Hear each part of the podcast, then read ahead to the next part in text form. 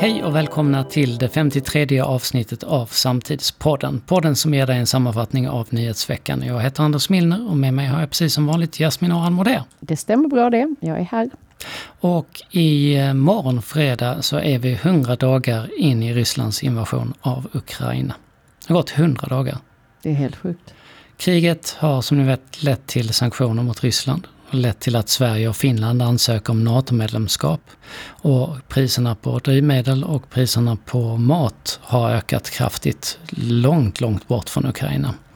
Och ett ofattbart mänskligt lidande. 6,8 miljoner människor har flytt hittills. Zelensky hävdade nyligen att 243 barn dödats i kriget och att 200 000 barn har tvingats till Ryssland. Det går ju inte att ta in. Nej, det går inte att ta in. Och man blir mer och mer avtrubbad. Det är fruktansvärt det här. Man kommer till ett läge nu ungefär där man märker att man kanske inte följer det lika noga som innan. Eh, även om medierna eh, tuffar på. För det blir en normalitet mm. till slut. Mm. Inte för de människorna som lever under det. Men, Såklart inte. Men för oss. Just nu är Ukraina under stor press. Ryssarna försöker omringa eh, Siviero Donetsk, tror jag man uttalar det, i östra Ukraina. Och samtidigt har USA sagt att man kommer skicka medeldistansrobotsystem och ammunition som mm. stöd för Ukraina i Donetskregionen. Och Ryssland svarar såklart med att säga att det här kommer leda till att kriget utvidgas som vanligt. Jag tror Sverige har väl också diskuterat idag att skicka mer vapen. Mm. Så, ja, det är ju inte, vi ser inget slut. Det gör, det gör man inte och, och eh, den här förhoppningen att Ukraina skulle kunna slå tillbaka väldigt mycket. Just nu känns det väl lite grann som att det står och, står och väger. Eh, vad har mer hänt? Jo, Socialdemokraterna och Moderaterna går kraftigt fram i senaste valmätningen från SCB, e som jag tror är den sista innan valet dessutom. Mm. Mm -hmm. eh, ja. Från SCB. Mm. Eh, Liberalerna, Miljöpartiet, de är under spärren fortfarande. Mm. Trots att Miljöpartiet sagt att de ska göra kaos med alla som står i vägen för klimaträttvisa. Osäkert om de också ska klippa tung. Kommer du ihåg var det här kommer ifrån? Göra kaos? Nej, jag, försökte tänka efter här nu. Nej. nej. Det, det, är ju jakten på, på, ehm, på um, han som sköt i, eh, i Malmö väl? Där de lyckas filma någon kille som kör omkring och letar efter, efter uh, den här uh, människan som säger att han ska göra kaos med honom. Jag ska klippa hans tung, jag ska... Just det. Det här... Mm. Jag kommer inte ihåg. Nej. Eh, det hjälpte i alla fall inte att de Nej. sa det. De är fortfarande under spärren. Och på tal om ord, i Shanghai så förbjuder myndigheterna och medierna att använda ordet lockdown. Precis när man slutar med den lockdown som varat då i, i två månader. Eh, det får man inte säga att det har varit en lockdown. Ord betyder saker för diktaturer. Det betyder väldigt mycket. Man får inte prata om krig i Ryssland, man får inte prata om lockdown. Nej. Intressant. Eh, i 2022 när man ändå tänker att folk, människan är ju ändå en, en liksom tänkande varelse och tänker att Får man inte tänka det heller då? Nej, det är väl det som är tanken. Det är det Med, antagligen. Här hemma så är det kaos på Arlanda. Björn Wiman skriver i DN att uppskattningsvis 80 procent av världens befolkning har aldrig någonsin flugit och bara 2-4 procent av världens befolkning flyger utomlands på semester under ett år. För de allra flesta svenskar är en inställd flygresa den största reella möjligheten att ta sitt ansvar för att utsläppen inte ökar mer än de måste. Låt mig därför stillsamt påpeka det uppenbara. Det finns ett enkelt sätt att slippa köerna på Arlanda. Låt bli att flyga. Är det så enkelt Jasmin? Nej. Det är ju, ingenting är ju så enkelt som, som eh, det ser ut, men eh, det är klart att det, det är ju ett, ett, eh, ett, en insats man kan göra som en individ. Ehm, men ehm, ja, det, det, det, är ju komplext det här. Det ska man ju vara medveten om. Ni pratade om detta i Klimatpodden, mm. vår systerpodd här mm. som vi, vi har. Vad, vad, vad, kände du att ni kom fram till? Just i eh, flygdiskussionen så tycker jag att eh, Mattias är alltid en, en väldigt nyanserad... Eh, Mattias Goldman ska vi precis, säga. Som. som är vår stående gäst i eh, Klimat for Dummies. Som också ger, man ska akta sig för att ge för mycket dåligt samvete. Samtidigt ska man ju göra Eh, vad man kan, både som individ och företag och i olika positioner man har. vad gäller flyget så är det ju precis som du säger, det är ju den största avtrycket vi gör som individ. Eh, sammantaget är ju det här som är, blir så komplext, för då säger man att ja, okej, det står för 5-6 procent av det totala utsläppet jämte då byggbranschen som då står för 30 procent eller, eller klädindustrin som står för 10 procent eller livsmedel som står för 25-30 procent. Eh, och allt däremellan, för det, det liksom hänger ihop med eh, massa andra delar och, och transportsektorn generellt. Så, så där, då blir man ju naturligtvis så här, men om, om byggbranschen bara hade kommit ner till 20 procent, då, då hade det kanske inte det spelat så stor roll med det där flyget. Jag tror poängen med flygdiskussionen är att försöka pusha den här så att den så snabbt som möjligt kan bli en, en mer hållbar, ett mer hållbart sätt att ta sig runt. För att lite som du nämnde här, det är ju inte en jättestor del av, av eh, jordens befolkning som flyger. Det är få förunnat att kunna överhuvudtaget. Vad händer den dagen när alla skulle eventuellt kunna? Mm. Det är ju, då hade det ju varit katastrof. Då hade det ju stått för 80 procent av utsläppen förmodligen, eller något, ja. jag vet inte.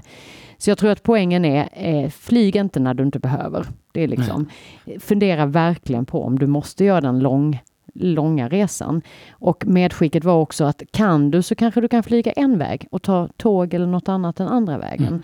Titta över till när man går in och till exempel bokar en flygresa så kan man också se, jämföra olika flygbolag där vissa faktiskt har ett lägre utsläpp än andra. Så man kan, liksom man behöver kanske inte alltid bara säga att jag kommer aldrig mer äta kött eller flyga eller mm. köra en, en liksom, åka en, det, För att det är en mer framkomlig väg ja. för, för ja. människor att komma ja. över tröskeln. Ja. Vi, vi tänkte vi skulle ta upp en som, som, som flyger väldigt mycket för Dagens ETC har mm. kör en stor granskning nu i veckan om, om privatflyg. Petter Stordalen är den person som flyger mest i hela Norden med sina privatflyg. Han flyger då eh, enligt ETC mer än Elon Musk och Jeff Bezos. Eh, och eh, de granskar hur miljardärer och kändisar använder sina privatjet. Som att Wallenbergs och Wallenius plan gärna pendlar till ökända skatteparadis i Karibien. Eller att Charlotte Perrelli som kombinerat lyxliv med att offentligt uttrycka klimatångest och flyger väldigt mycket. De här resorna har ju då såklart fördubblats nu när vi, pandemin är inte över men den är ju i ett annat läge, den är under kontroll mm. i stora delar av världen i alla fall. Eh, utsläppen är, motsvarar 41 000 bilar. Här skriver Andreas Gustafsson i ETC att igår granskade vi specifikt den norske hotellmagnaten Petter Stordalen som flyger mest privatjet i hela Norden samtidigt som han hyllar Greta Thunberg och erbjuder sina burgare, eh, kunder vegetariska burgare. Om alla i Sverige skulle leva som han blir det 33 miljarder ton koldioxid för, för han släpper då ut 3300 ton. Det är 660 gånger mer än vad hela landet släpper ut på ett år om alla skulle leva som Stordalen. Eller ungefär lika mycket som planetens totala utsläpp. Ja, ja. Du, du, ser att jag håller mig snart i bordet nu, för detta, det här är typiskt en sån sak som är, dels är den upprörande i sig. Alltså man kan inte å ena sidan säga att jag jobbar med den här frågan och sen bara fullkomligt strunta i det. Den andra delen är ju att vad han gör är att han bidrar just till att det är ju helt meningslöst att jag slutar flyga. Han struntar högaktningsfullt i detta. Varför ska jag ställa in min och i vissa fall kanske enda flygresa som en familj har till exempel till en under en semester eller vad det nu kan vara. Det finns, alltså jag förstår ju att många bara ger upp i detta. Det var ju samma sak när vi hörde i, för några månader sedan att eh, vissa flygbolag måste köra sina, eh, sina flyg tomma bara för att mm. behålla sin slottid på, på, på Arlanda eller vad det är. Men att en sån här människa som Petter Stordalen gör detta, det är oförsvarbart i, i alla dess led. Han borde skämmas de kommer ju åt någonting som jag tror är orsaken till det. Orsaken till varför han gör det. Den här, den här texten av Andreas Gustafsson, det slutar så här. Tyvärr måste du betala för deras mm. superviktiga flygningar till drinkbordet på Ibiza. En liter flygbränsle kostar ungefär hälften av en liter bensin. För det ena beskattas medan det andra är undantaget. Mm, Vi subventionerar varje resa med 30 000 kronor. Vi subventionerar också flygplatserna. Vi subventionerar också undantaget för små flygplatser plan. Jag vill inte jag bli äcklad, skriver han. Och så säger han i slutorden här att det behöver inte vara svårt för att det kan, man kan ju bestämma att reguljärt ska helt enkelt inte, inte flyga mellan mm. Göteborg och Stockholm. Och mm. privatjet ska inte flyga inhemskt överhuvudtaget, Nej. förbjuden. Han slutar så här. Sveriges rika får brösta upp sig mot varandra på ett annat sätt där minimikrav måste vara att deras inbördes hackordning och infantila statusmarkörer lämnar oss andra utan skada. Mm. Och det tror jag är ganska rätt. Det är ju naturligtvis därför man har ett mm. privatjet. Mm. Och så tycker man att man ska unna sig att få åka till något härligt ställe. Den här har vi ju också sett, den här, det här beteendet också. Nu, nu gäller det ju inte Petter Stordalen, eh, kanske, det vet inte jag. Men att man också i de här kristiderna nästan vill trösta sig med att jag ska bara åka en liten resa mm. över helgen. Därför att jag måste ändå döva mitt klimatångest eller någonting, vad Perrelli nu eh, liksom argumenterar för. Eh, och det här ser vi ju också tyvärr i andra sammanhang där det blir helt och hållet. Å ena sidan kan vi prata jättemycket om den stundande klimat, eller mitt uppe i klimatkrisen vi, vi ändå står i. Å andra sidan så kan man heja på grejer som är fullkomliga eh, flyg, eh, liksom, ja, men bara flyger. Ja, men vi pratade om Formel 1. Ni har säkert följt den här Netflix-serien som är superrolig att se, för all del. Va? Men när man inse det bisarra i Maslows liksom, pyramid, där liksom, ja, men det roligaste i livet är att, att liksom åka runt med de här bilarna och det, det, är säkert jättekul. Men hela, det, hela den industrin som flyger från ställe till ställe med sina alla, hela det här entouraget. Förstår ni hur många resor det är? Och där ska vi återigen, så ska vi som kanske ändå vill någon gång unna sig eller vill åka någonstans som inte går att, att liksom förflytta sig med tåg till exempel. Men då ska vi göra avkall på det. Vi, menar jag. Mm. Ja, men som du sa. Mm. Och betala dessutom för det. Ja, jag tycker det är inte det, det och jag vet inte hur man ska komma åt det, men eh, det, det är skam. Ett sätt är ju faktiskt, att, som jag tycker ett sätt att göra bra här, det är ju faktiskt att, att, eh, att avslöja de här som ja. har den dubbelmoralen som det faktiskt mm. handlar om. Mm. Att han hade kunnat låta bli att göra någonting och det hade blivit statiskt. Alltså, mm. för, för hans arbete för klimatet äts ju upp av, av vad han själv, hur han själv det skadar det. tycker jag är en jättebra idé. Jag tänker också att det finns massa såna, sånt som, eh, det är ett 50 plus-möte, Stockholm 50 plus yeah. nu i Stockholm. Eh, och där, eh, jag skulle ju bli förvånad om det är så att inte folk har flugits in till den. Plus 50 heter det. Det är inte så att de är 50 plus de som är där. det är bara 50-plussare som får komma dit. ja. Och det är därför de inte kan ta något annat transportmedel än flyg.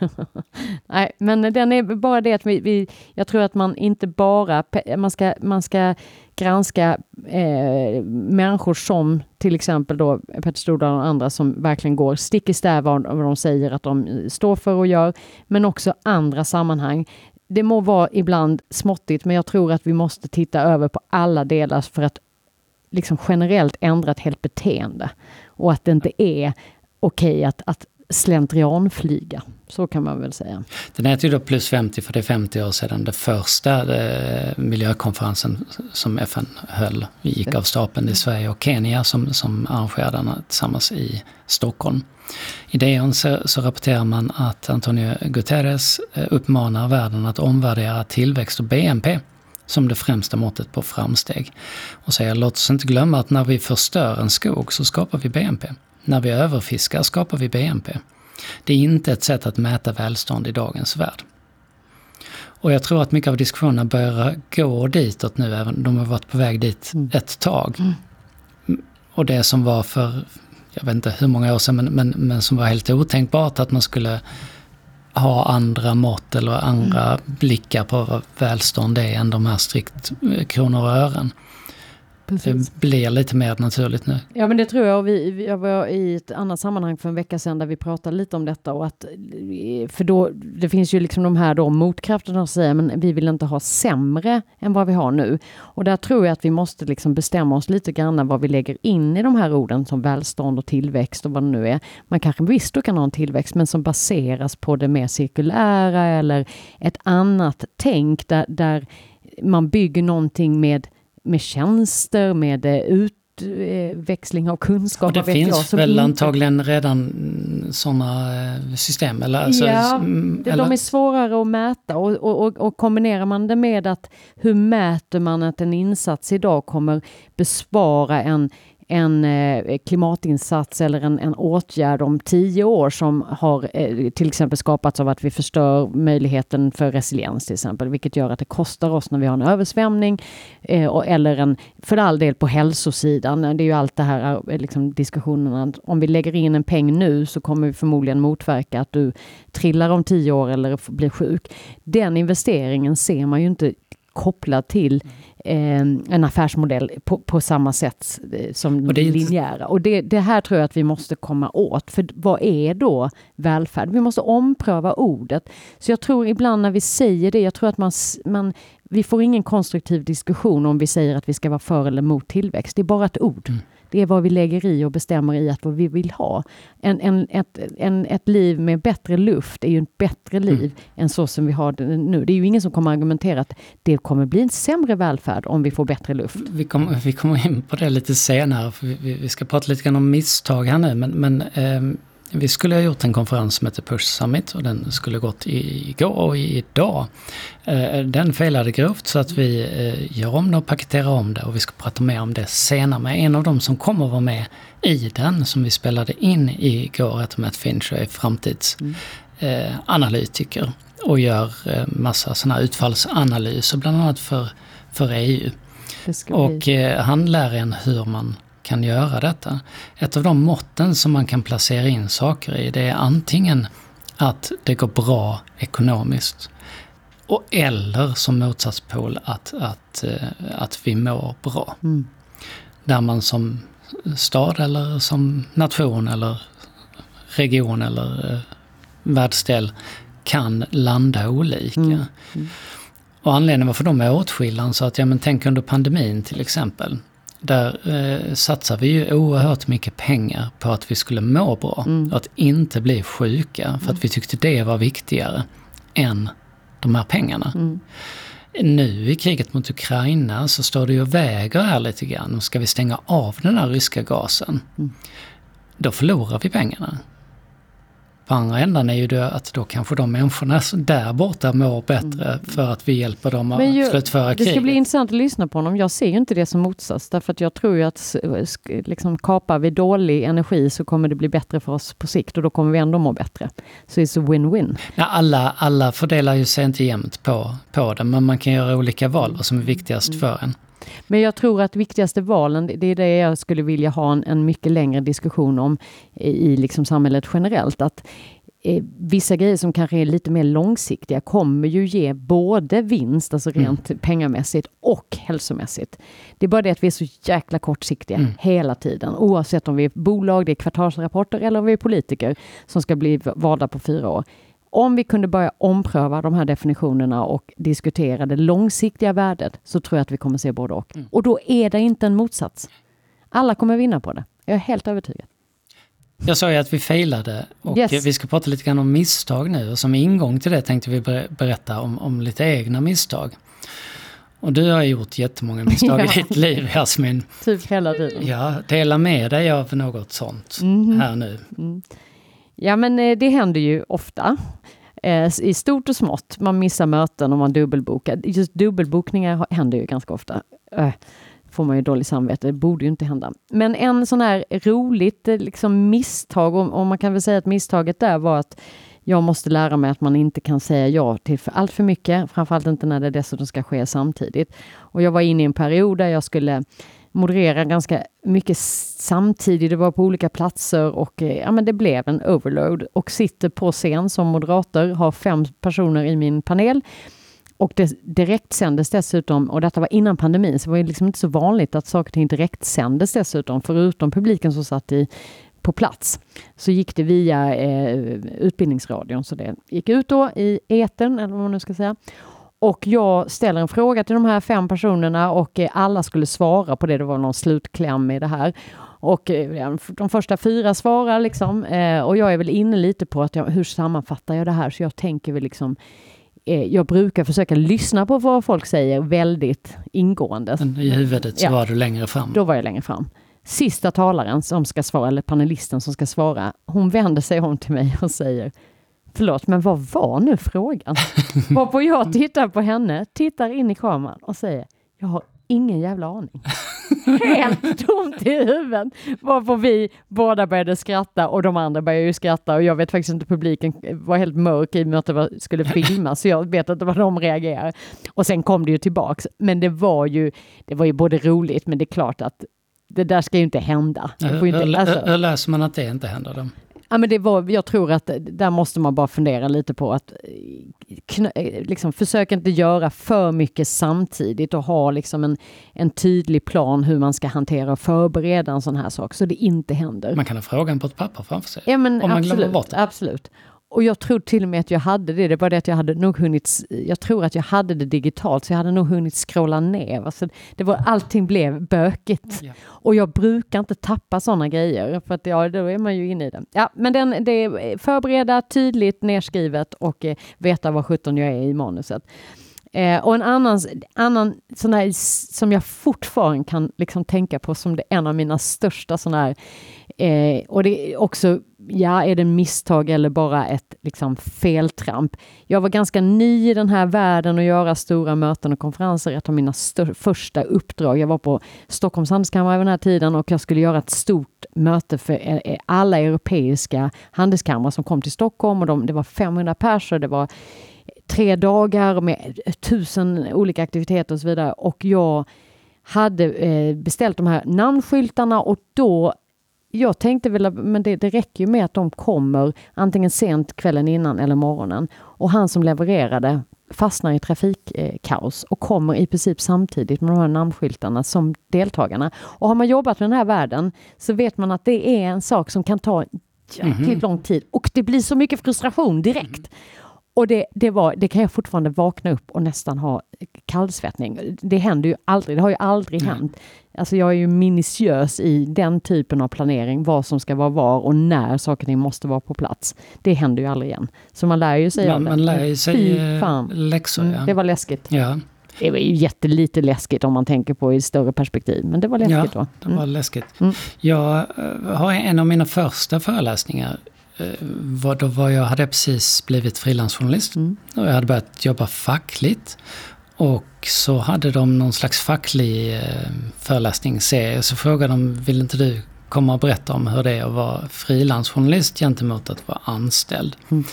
Och då tänkte jag på mig själv och tänkte att jag var väldigt glad då att jag inte var på en redaktion. För redaktionen är fyllda med massa knepiga typer. Mm. Och eh, man måste på något sätt handskas med mm. dem. Och så vill man göra sitt men man kan inte det för att de här knepiga typerna är det. Så är det ju på alla arbetsplatser mm. egentligen, förutom vår. Förutom. Så, är, så är det ju så. Mm. Och då tänkte jag att vad roligt, då kan jag ge dem den positiva bilden. Och så kom jag på idén att jag skulle rita porträtt över de här genretyperna, mm. för de finns ganska mycket mm. på redaktionen mm. faktiskt. Och ge dem namn. Och så skulle jag börja med att berätta så, det här är Pelle. Pelle har varit på jobbet nu i 50 år. Va? Han är sjukt bitter. Han, han är den, han suckar alltid. Han är alltid. Och så gjorde jag så, mm. när jag kommit till liksom tredje bilden så, så där är Anna, hon och sådär. Så, så märker jag då liksom att det är jävligt stämning. dålig stämning här. Och jag har massor av bilder jag har ritat också. Gjort oh, porträtt av dem och jag håller upp dem. Och jag fattar inte riktigt så jag fortsätter där lite medan jag tänker på högvarv. Så, vad är, vad det, som är går, som vad är det som händer här nu i rummet? Varför tycker de inte det här är roligt? Och så slår mig, det är de. De sitter där. Allihopa satt Det är de, för de hade inte valt det själva. Oh, jag hade ju valt oh, det själva. Oh. Alla de som var där hade då fått gå. Mm. Åh, vad hemskt. Där sitter de och, bara... Och där satt de. Där, där är jag. Och där satt jag och höll upp bilder. Det gick ju inte bra alls. Nej, det kan jag förstå. Det, det är ju ganska roligt. Det var inte roligt då, det var Nej, ingen det, som skrattade. det förstår jag, men det är roligt nu. Det är roligt nu. Vad jag lärde mig av det var ju att checka min publik. Vad är det här för människor jag ska prata för? Och vad, vad bör jag liksom lägga för ansats Eller hur? Och dess nummer två faktiskt gör dig inte rolig på andra människors det är, bekostnad. sant, det är sant. Den är viktig med ett tag. Jag bara tänker så här, om man nu ändå ska se, jag försöker ändå se saker och ting ur ett positivt perspektiv, så tänker jag att hade jag hört det, så för vissa av de egenskaperna är ju också att man själv fastnar i. För att man, är, man har fastnat i något och så blir man en bitter gammal eh, Ja, men så står det då någon 30-åring som Ja. tror att han, han, han eh, kan någonting och, Ja, och, och rit, visar sina porträtt Ja, han det är ritat. dumt. Okej, det är Nej, dumt. Jag tänker bra. bara att man kanske ändå har tagit med sig någonting och tänker att, ah, okej, jag ska Ja. inte försvara dig. Ja, Det var dumt. och mitt andra misstag är när jag, jag har precis börjat ettan på gymnasiet. Mm. Och eh, det jag vill helst är ju att spela musik. En kompis som är lite hellörad, som man säger i Skåne, det vill säga re- religiöst lagd. Mm. Han har connections med kyrkan och eh, det ska komma en, en, eh, en kristen musiker och spela. Men trummisen har blivit sjuk. Så han säger, Anders kan, vill du hoppa in och spela? Det jag mest ville var ju att spela, att, göra en, Mm. att spela konserter. Så jag sa såklart ja, Såklart.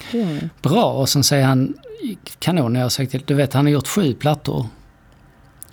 Jag bara så, "F- sju? Och jag, hur gammal är man? Jag, jag skulle fylla 16, 15 var jag väl Ja. Jaha, okej, så fick jag bandet.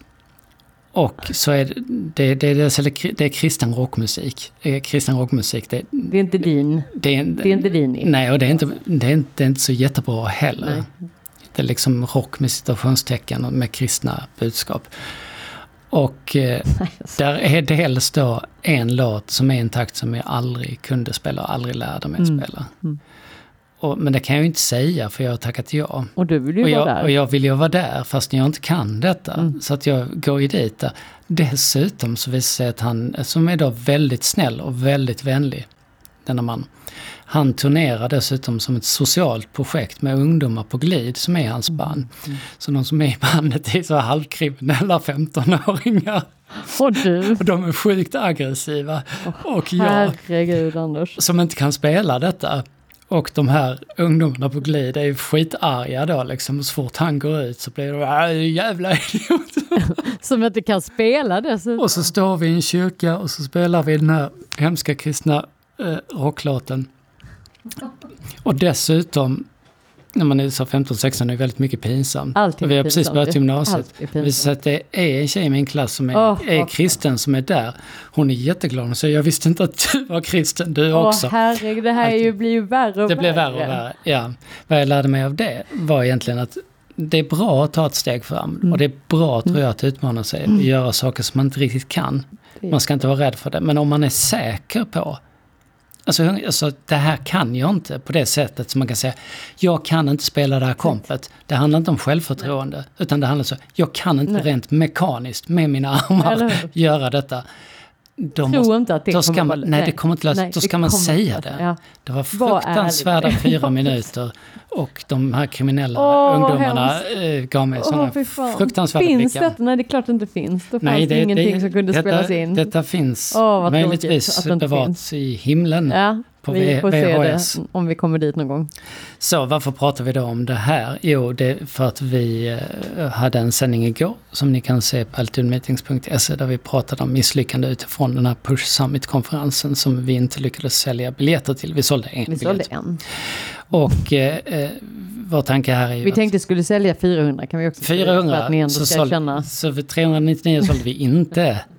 Men att, att vikten av att prata om misslyckanden är av, av många skäl Mm. väldigt stor. För att det är de, och det är det vi har försökt illustrera, Mm. lär oss någonting av. Och våga lära sig av det och våga prata om det.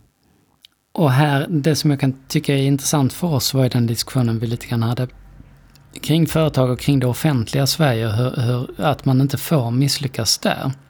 För att man har en sån press på sig att eh, om man gör fel då kanske man ryker Mm. eller då får man skulden. Mm. Och det där är någonting som är dåligt för samhället. Mm, det är det. det, är det. Vi måste, och det är ju det här med lärande organisationer, ta vara på resultat oavsett hur resultaten ser ut. Mm. Och titta på det och kan man göra på ett annat sätt. Och högt och lågt. Det behöver inte vara åh, det här jätte-failure, utan det kan ju vara små Mm. saker. Men vi pratar ju ganska ofta om det där, just som lärande organisationer och, Mm. och så. Mm. Men, men man lämnar ju misslyckanden vid, lite Mm. vid sidan. Lär bara om framgångar. Ja. Mm. Vi, eh, som vi sa igår, om man, vi pratade om LinkedIn, Mm. bland annat, där man ser de här framgångshistorierna. Mm. Man ser hur mycket man gillar dem. Och hur mycket likes och delningar, kanske inte delningar, men likes man Mm. får när någon säger att titta här, det här gjorde jag, det här är jag stolt över. Och så skriver alla yeah you go girl. mm. Oh. Ja, Oh, och vet vi inte Och det är trevligt, jag tror kanske vi behöver det också. Ja men det ena utesluter ju inte Men det andra. Men det är andra väldigt behöver. Mm. sällan man ser någon som skriver eh, så jag failade oerhört grovt och här är mina, jag vill dela med mig så du inte gör samma sak. Ja och dessutom kan man ju också eh, skriva om det och få tips och tankar om hur skulle jag kunnat resonera på ett annat sätt. Alltså den här sårbarheten i att man, vi har ju inte svar, vi vet ju inte, vi har ju inte alla svaren varför vår konferens som vi tyckte innehållsmässigt var, och det är den ju, Mm. innehållsmässigt det tycker vi fortfarande att den är fantastiskt eh, bra, men vad var det egentligen då? Eh, och det finns lite spekulationer. Öppna upp för diskussionen om varför saker och ting inte går så bra. Eh, jag tycker att ett bra exempel på det här är ju att eh, vi vet ju återkommande att man arrangerar sjukt dåliga paneldiskussioner. Mm. Och så är det ingen som säger någonting, men alla i rummet tycker ju det är kast. Mm. Och ändå gör man precis på samma sätt, för det är ingen som egentligen säger, men hörni, ska vi verkligen göra detta? Tänk om man bara kunde få ut det här på riktigt. Vad är bra egentligen? Och sen, Och det är ju inte så svårt. För nu ju vi där i livesändning igår och berättade om detta att vi sålde en biljett. Mhm. och jag, jag tror det i vår värld är det ganska ovanligt att, Ja. att man gör det som, men, tyckte du det var, det var väl inte så farligt att göra det? det är det ju inte. Jag tror det, många gånger handlar det också om att faktiskt inse att det är värt någonting. Det är värt Mm. någonting för någon annan och för, för oss själva. Och att eh, det är faktiskt intressant att lyssna på. Jag tror ibland glömmer man bort och så bara tänker man, "Ah, ja nu får vi väl lösa det här så går man vidare. Eh, stanna upp och ta tid och, och fundera lite på varför det gick som det gick. Dela med er, Mm. prata med andra om det. Och vårt sätt mycket. att lösa vårt eh, mega-fail nu det är att, att eh, konferensen Push finns fortfarande men den är ett multimedia-format. Mm, Så att vi har tre delar. Vi kommer efter sommaren i augusti att släppa en serie videoföreläsningar. De handlar om vad vi vet om klimatkrisen och vad vi vet om demokratikrisen globalt. Eh, vi kommer sen släppa en serie med poddar. Mm. Det kommer vara den här podden som du lyssnar på just nu, för det kommer sändas i Samtidspodden. Mm. Eh, med praktiker, det vill säga folk som jobbar med att möta de här utmaningarna eh, lokalt och regionalt och nationellt. Mm. Vad gör de och vad kan vi lära av dem? Och sen tre fysiska föreläsningar som vi håller här som är verktygen. Hur gör vi då om vi vill bli mer aktiva? Och allt det här kommer efter sommaren. Precis.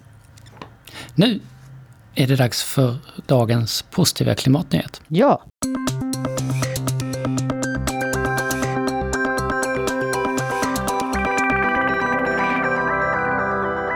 Och här handlar det om att eh, solpaneler kan komma att sättas upp över hela Europa på alla tak 2025. Mhm.